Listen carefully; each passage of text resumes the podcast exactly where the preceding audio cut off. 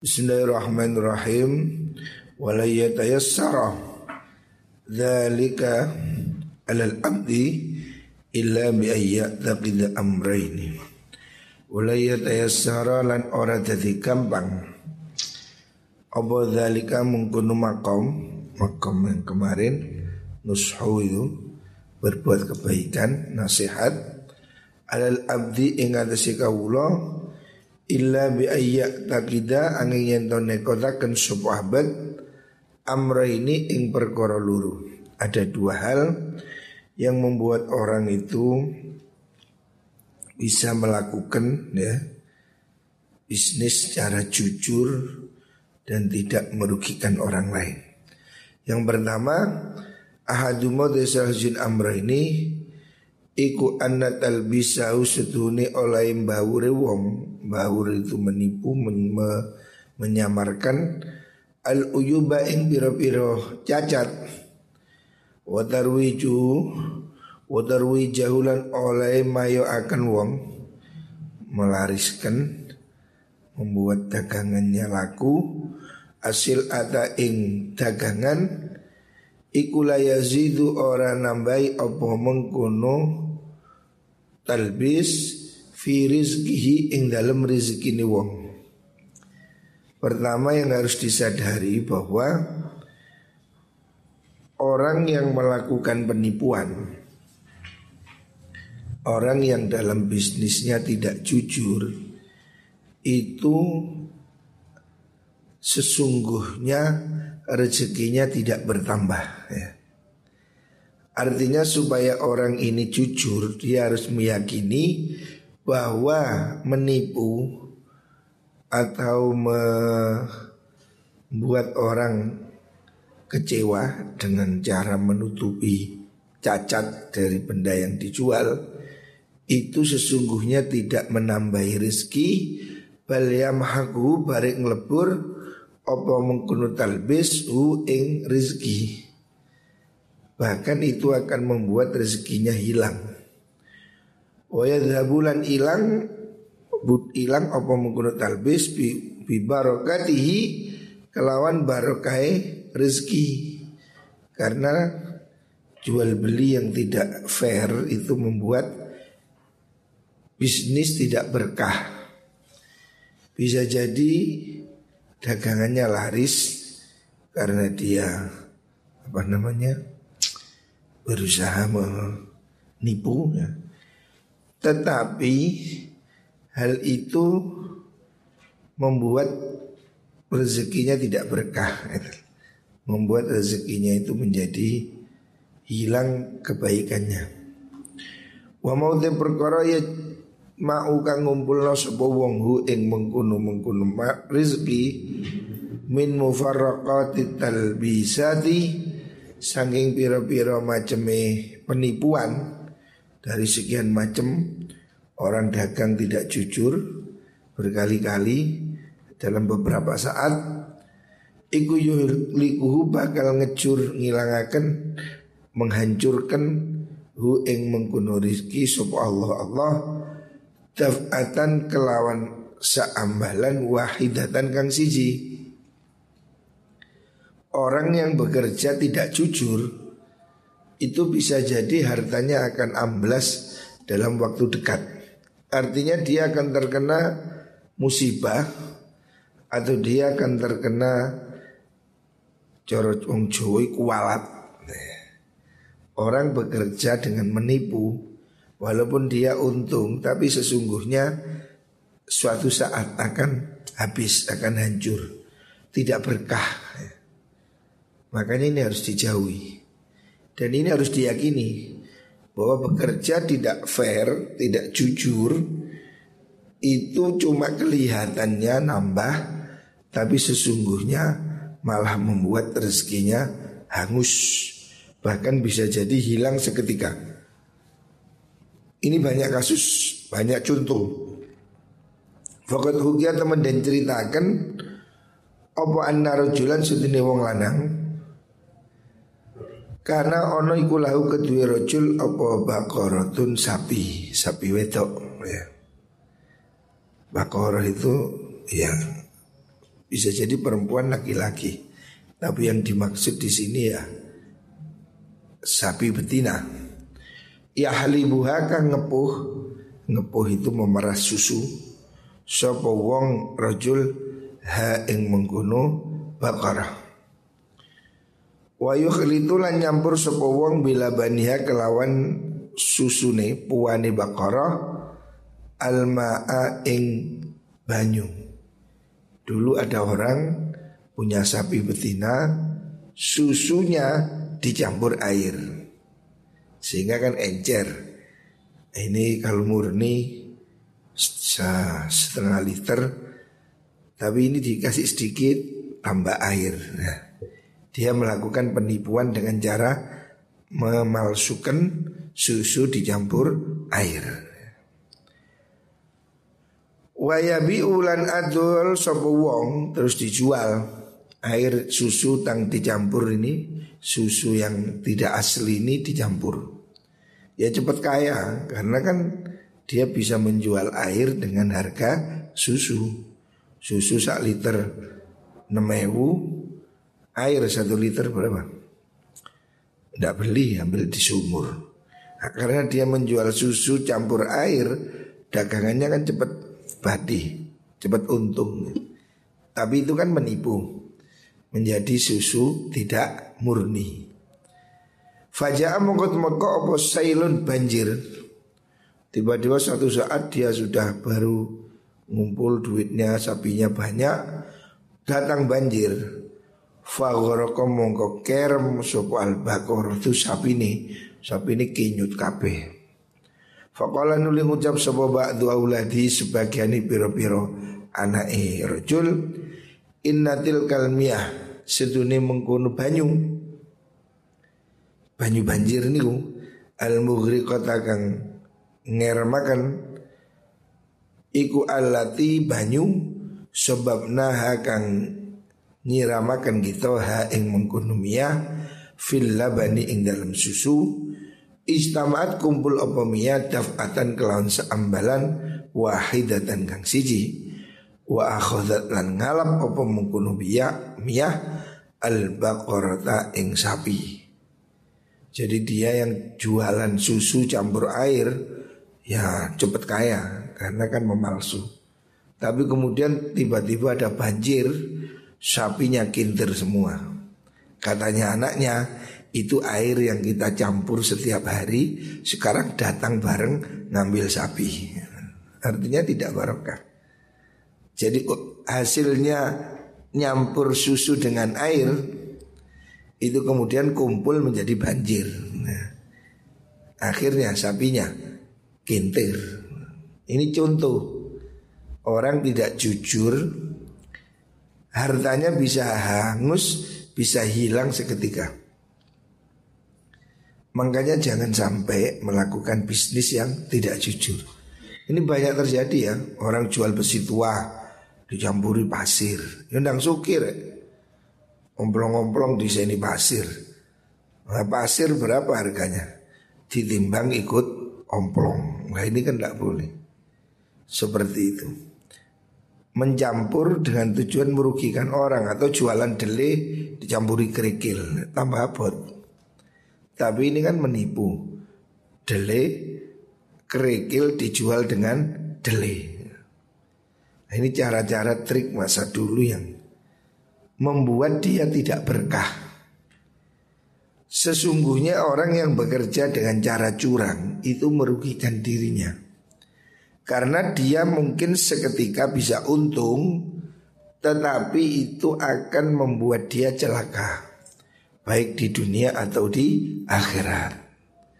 Ini yang harus dipertimbangkan supaya kita ini kalau menjadi bisnis, bisnislah yang jujur.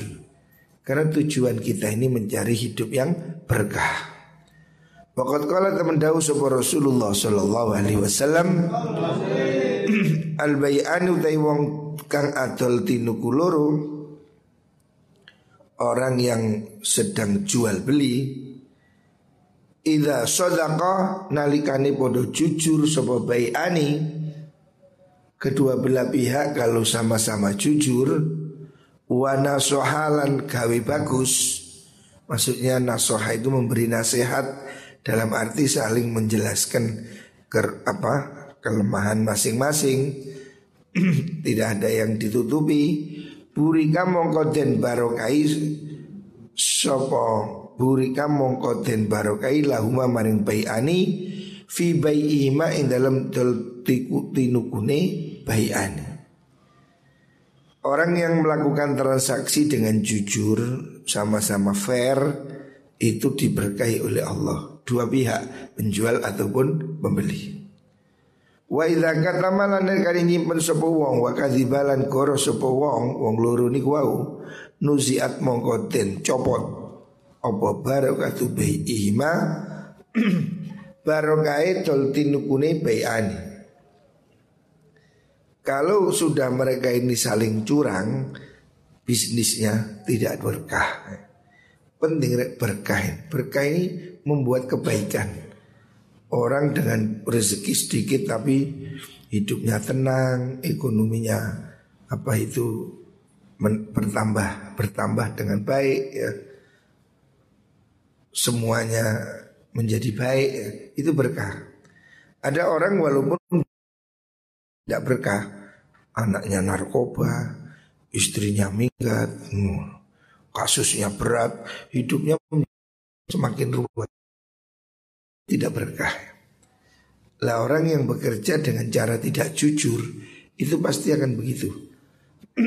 Cepat atau lambat Bisnisnya ini akan membuat dia menjadi tambah Tambah sengsara Atau ruwet. Ataupun kalaupun dia kaya tidak awet Nanti setelah itu habis. Banyak contoh itu. Dulu saya melihat beberapa orang jagal mohon. Jagal tapi kan ada yang curang. Darahnya ikut dijual umpamanya. Jadi dede yang seperti itu Tiba-tiba kena penyakit ini itu habis. Tidak berkah. Makanya kalau mau jual beli Apa pun ya, Jangan melakukan kecurangan ya. Yang wajar-wajar aja Hari ini kita bisa bisnis dengan cara yang fair. Tidak perlu cara menipu. Karena kalau kamu menipu Mencampur dengan yang tidak benar Itu sesungguhnya akan membuat kamu rugi. Orang lain merasa rugi Kamu juga akan dirugikan. Dalam jangka panjang Kepercayaan menjadi hilang. Nah itu yang membuat bisnis tidak jalan. Orang yang sudah kamu tipu pasti lama-lama tahu. Kemarin saya datang ke Pasuruan, nah itu teman saya jualan kopi ekspor ke Jepang. Harganya mahal, tapi lama-lama ada yang nggak jujur, kopinya dicampur, mutunya berkurang, akhirnya ya putus. Padahal seandainya dia jujur, bisnis ini sudah untung, sama-sama untung. tapi karena ada yang nggak jujur ya, dikomplain berhenti. Ya sudah rugi semua malah. Makanya bisnis itu perlu apa? Nilai ibadah yaitu jujur. Wafil hadis dan ikut tetap di dalam hadis Yadullah utawi tangani Gusti Allah Maksudnya pitulungi Gusti Allah Iku ala syarika ini Ingatasi wong kekancan loro Malam yatakhawana selagi orang khianat-khianat, maksudnya tidak saling berkhianat. Allah itu akan menolong dua orang yang kongsi, yang kerjasama selama mereka itu tidak saling khianat. Kalau mereka sudah sama-sama curang, faidah takhawana nalikani bodoh. Citro, cara curang. Kalau sudah masing-masing tidak fair, sobat syarika ini Rafa'a mongko ngangkat Sopo Allah ya dahu ing pitulungi Allah? Tangannya Allah pitulungi Allah Anhuma sanging mengkuno syarikain. Kalau sudah mereka tidak jujur Maka Allah tidak mau bantu.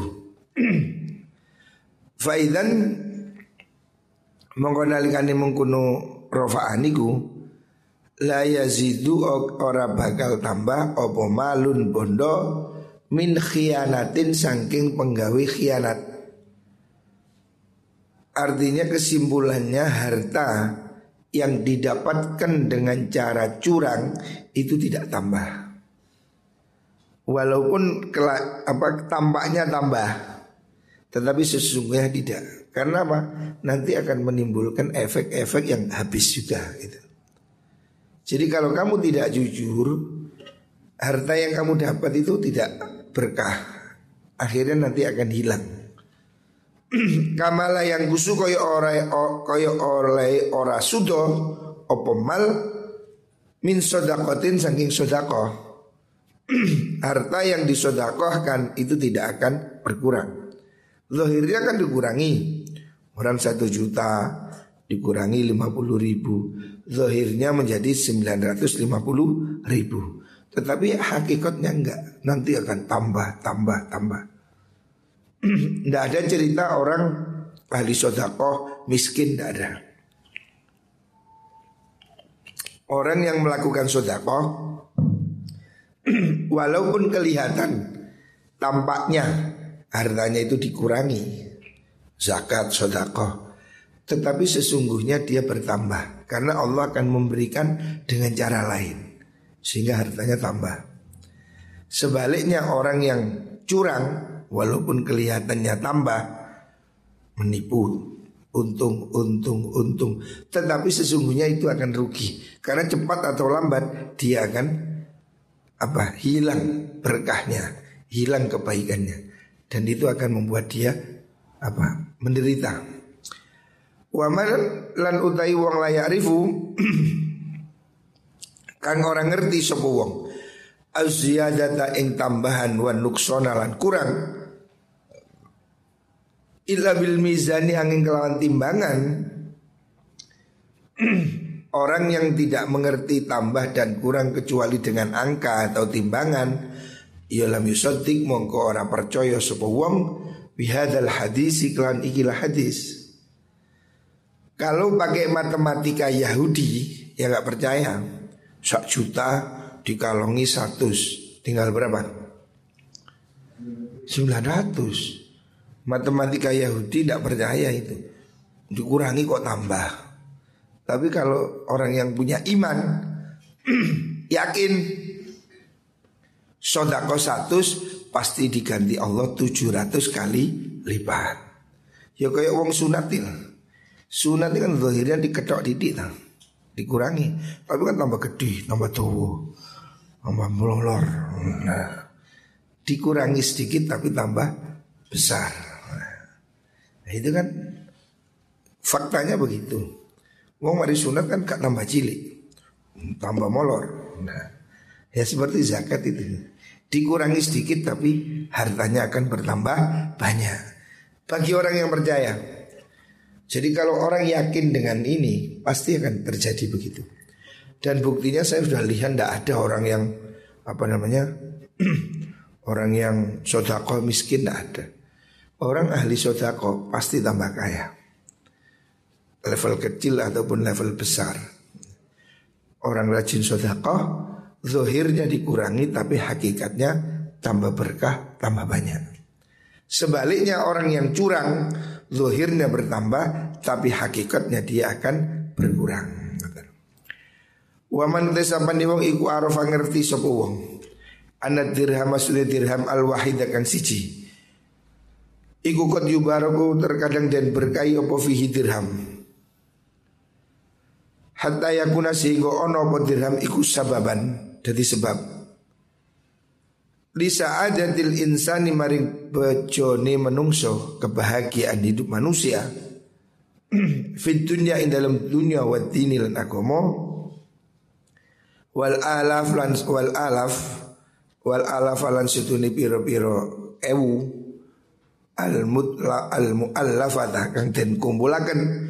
Iku kot yanziu terkadang nyopot sapa Allah Gusti Allah. Al barakata ing barokah minda saking alaf hatta takuna sindo ono apa mengkuno mengkuno alaf iku sababan dadi sebab lihalaki malikia maring rusae celakane wong kang miliki alaf bihaitu ya tamanna sekirane ngarep-ngarep sapa wong utawa yutamaten arab-arab opal iflasu bangkrut ya. akan terjadi kebangkrutan ngeten. Pundio. Minha sanging mengkono-mengkono alaf wa yarahu lan nekotaken sapa wong hu ing mengkono-mengkono niku wau ana dirham wahid ilah niku asalha ingkang luwih bagus lahu kedhi wong fi ba'di ahwalihi ing dalam sebagian biro-biro tingkai wong yufayarifu mongko ngerti sapa wong makna kaulina ing maknane pengucap ingsun. Rubani innal khiyanata sudni khiyana iku la tazidu ora nambahi apa khiyana fil mali ing dalam bondo. Wa sadaqatu lan tai sadaqah iku latan kusu ora nyudo apa sadaqah minhu saking mal. Orang yang mengerti maksudnya Imam Ghazali Orang yang mengerti hakikat ini ya, Bahwasanya Ini fakta ya. Kadang orang itu hartanya sedikit Tapi dia bahagia. Dengan dia cuma ya Contoh gampang lihat Di kampung ada petani Guru SD, guru madrasah Itu kan gajinya sedikit Guru ngaji di madrasah mungkin bayarannya 500 Tapi bisa cukup hidupnya bahagia Ya walaupun tidak lebih tapi hidupnya makmur. Enak. Tapi ada orang yang hartanya triliunan. Miliaran, triliunan tapi bunuh diri. Kasus narkoba. Hidupnya menjadi hancur. Kan banyak kasus itu. Banyak contohnya banyak sekali. Orang-orang kaya bergelimang harta tapi hidupnya dalam apa? jeratan narkoba. Kecanduan obat bius, kecanduan ini macam-macam sehingga karena hidupnya berat dalam dia kaya tapi hidupnya itu penuh masalah. Sehingga dia harus ketagihan obat, obat tidur, obat penenang. Kan banyak sekali artis-artis yang begitu kan ditangkap narkoba, alasannya kan untuk penenang tidak bisa tidur. Padahal secara teori hartanya banyak, terkenal, populer. Tapi dia mati ketagihan obat bius atau narkoba banyak sekali. Contohnya banyak sekali, tidak terhitung. Ya. Orang kaya yang bunuh diri banyak sekali. Direktur perusahaan besar bunuh diri ada banyak, banyak cerita. Mereka yang hartanya sangat cukup tapi hidupnya tertekan, sedih, bunuh diri. Itu kasus yang tidak dapat dihitung banyaknya. Siapa mengerti ini, maka dia akan memahami apa yang dikatakan Imam Ghazali bahwa itu tadi kejujuran itu adalah kuncinya. Bahwasanya kecurangan tidak bisa menambah harta. Karena hartanya bertambah tapi problemnya lebih berat lagi. Sementara sodakoh itu tidak mengurangi harta.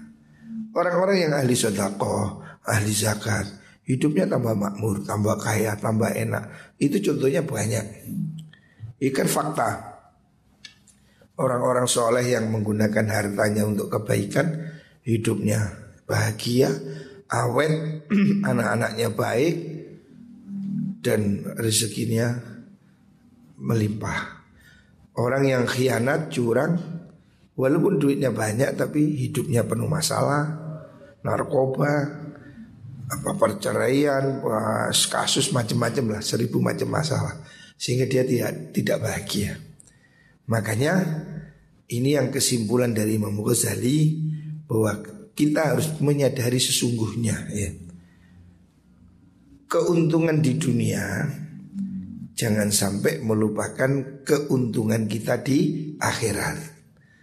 Artinya jangan cari untung di dunia tapi rugi di akhirat. Kalau bisa kita itu ya untung di dunia juga untung di akhirat. Kita itu kepingin fit dunia hasanah wa fil akhirati hasanah. Kalaupun harus milih lebih baik kita akhirat. Untuk apa? Kaya sebentar di dunia dengan cara jahat tapi di akhirat akan menderita selama lamanya. Jadi ini yang harus kamu pilih. Bahagia dunia akhirat itu penting. Kalau harus milih lebih baik bahagia di akhirat ya. Daripada di dunia memilih hidup durhaka, sesat Ya mungkin dapat harta tapi tidak berkah Tidak membuat bahagia. Di akhirat jadi masalah nah, bila Makanya ya kita memohon pada Allah Jangan kecil hati soal rezeki. Ini hal yang harus kamu yakini bahwa rezeki itu sepenuhnya adalah pembagian atau fadl dari Gusti Allah. Perkara wong nyambut gawe itu mek tok. Allah memberi jalan kemudian cara ini, cara itu ya. Pekerjaannya bisa ditiru, tapi rezekinya tidak. Ada orang yang hanya jualan bakso angsli tapi berkah kaya. Ono wong sing niru ya gak. Dodolane podo, rezekine ora podo. Makanya yang harus dilakukan ya pendekatan pada Allah itu. Minta selalu pada Allah ya.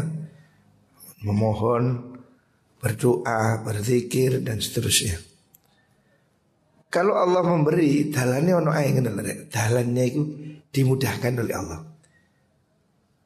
Penggawean iso ae Gusti Allah sing noto Tiba-tiba ada ini, ada itu ya. Jadi itu cuma lantaran. Pekerjaan itu hanya syarat saja Kelihatan sebab. Tapi hakikatnya rezeki itu semua dari Gusti Allah. Makanya ya tetap berusaha iya. Berdoa iya. Sebab kalau Allah sudah membukakan Buh nyambut kayak ini opo tapi enteng Berhasil.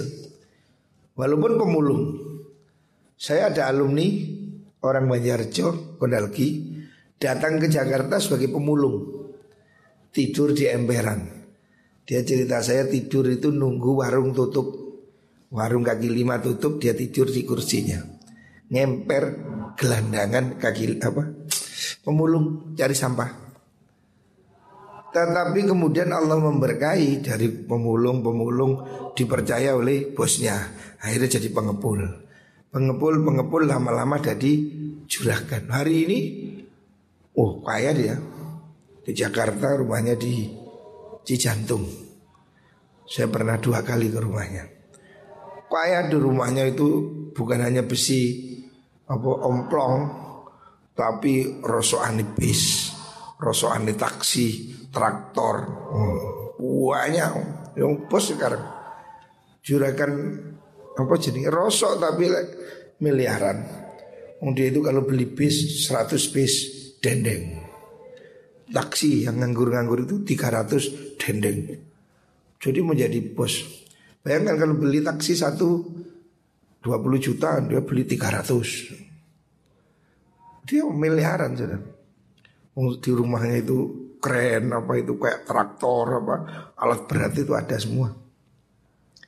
Dari pemulung tapi um, jalannya dibuka kali Allah. Ada lagi alum wali murid di Jakarta itu tukang becak. Cerita saya, dia itu masuk Jakarta becak. Karena ditipu orang. Ini orang Madura mau jadi TKW ke Saudi sama istrinya. Ternyata ditipu sampai di Jakarta PT-nya lari. Zaman dulu lewat PT, PT-nya pergi. Padahal dia di rumah sudah jualan, sudah utang. Akhirnya dia malu kan mau balik ke Madura Malu sudah pamit ke, mau kerja ke Saudi. Dia bilang saya Gus Ya waktu itu bersumpah Kalau saya belum ke Mekah Saya tidak akan menginjak tanah Madura. Semangatnya tinggi. Jadi dia sudah kadung pamit di kampung Mau pergi ke Mekah Mau jadi TKW, TKI Di Jakarta ditipu nggak berangkat. Dia punya keyakinan Pokok saya kalau tidak bisa pergi ke Mekah, saya tidak akan pergi ke Madura. Becak, istrinya ditaruh di pinggir sungai, sungai Ciliwung, dibikinkan rumah kerdus. Ya cerita saya, saya tidak punya rumah, Gus istri saya saya bikinkan. Ya cari kerdus-kerdus, triplek, bikin rumah triplek di pinggir sungai. Suaminya becak. Tapi kan jalannya rezeki. Becak waktu itu tahun 90 masih boleh di Jakarta. Becak becak sepi dia berpikir jualan es. Akhirnya beli es yang gede-gede itu ditumbak no becak diantar ke warung, ke warung, ke warung seperti itu sampai kaya, sampai dia punya rumah, punya mobil hari ini sudah ya jadi bos. Dia sudah apa? Sudah ke Mekah beberapa kali. Dari tukang becak jadi bos di Jakarta jualan es banyak es jual jualan truk-truk kan sudah. Lo itu loh contoh Allah membuka jalan. Tukang becak jadi bos bisa di Surabaya ini ada wali murid sama tukang becak. Terus buka parkiran. Lu parkiran itu ya akhirnya nyewa parkir lahan parkir itu. Itu mall itu lahan parkirnya bukan 100 200 juta miliar. Jadi dia itu nawar waktu itu maunya seperti ini parkirnya Malang Plaza itu dibeli hak parkir itu bukan 100-200 juta, 1 miliar, 2 miliar. Sarinah aja itu kata dia bilang Sarinah itu toko buku siswa yang halamannya sedikit itu itu ratusan juta itu setiap bulan. Kelihatannya duit receh. Bos-bos parkir itu kaya, miliaran. Asalnya tukang becak, terus jadi bos parkir. Loh, cara Allah buka rezeki itu ada. Jadi kamu jangan kecil hati. Caranya macam-macam. Tapi sesungguhnya itu jalan yang diberikan oleh Gusti Allah. Makanya ini yang harus dilakukan adalah terus menerus berdoa, memohon ya. Jangan kecil hati. Ya contohnya banyak sekali sudah terlalu banyak lah. Saya punya teman kenalan Pak Puspo yang punya warung Wong Solo itu. Presiden poligami Indonesia istrinya empat. Kalau bisa sepuluh sepuluh dia cuma nggak boleh ya empat. Sanggeng kayanya orang. Yang punya warung Wong Sulu itu. Itu loh pedagang kaki lima. Asalnya jualan ayam di pinggir jalan. Lima ekor sepuluh ekor dua puluh ekor. Sampai dia sekarang punya warung di Brunei Malaysia mana sampai Saudi Arabia warungnya miliaran kaya raya dia. Tahun berapa itu? Saya sudah 10 tahun yang lalu. Itu mampir ke Medan, rumahnya Medan. Dijemput pakai mobil Hammer. Hammer yang kuat di bensinnya itu satu dua itu. Satu liter dua kilo. Nguyuh kayak embong-embong. Waduh itu mobilnya harga 3-4 miliar itu. Kaya raya. Ferrari, Lamborghini, semua macam mobil dia punya. Dari kaki lima itu. Makanya dia sekarang sangat bersyukur. Dia termasuk dia jadi donatur lazis ini. Saya sering dikirim uang. Jadi orang-orang yang mereka dari miskin jadi kaya itu banyak, contohnya banyak. Lah itulah bukti bahwa rezeki itu datang dari Gusti Allah. Sung asale suki bangkrut yo ya wakeh. Sing marat dari suki yuake. Ya Makanya kata kuncinya ya memohon ya mendekat muka-muka dibaringi kali Gusti Allah.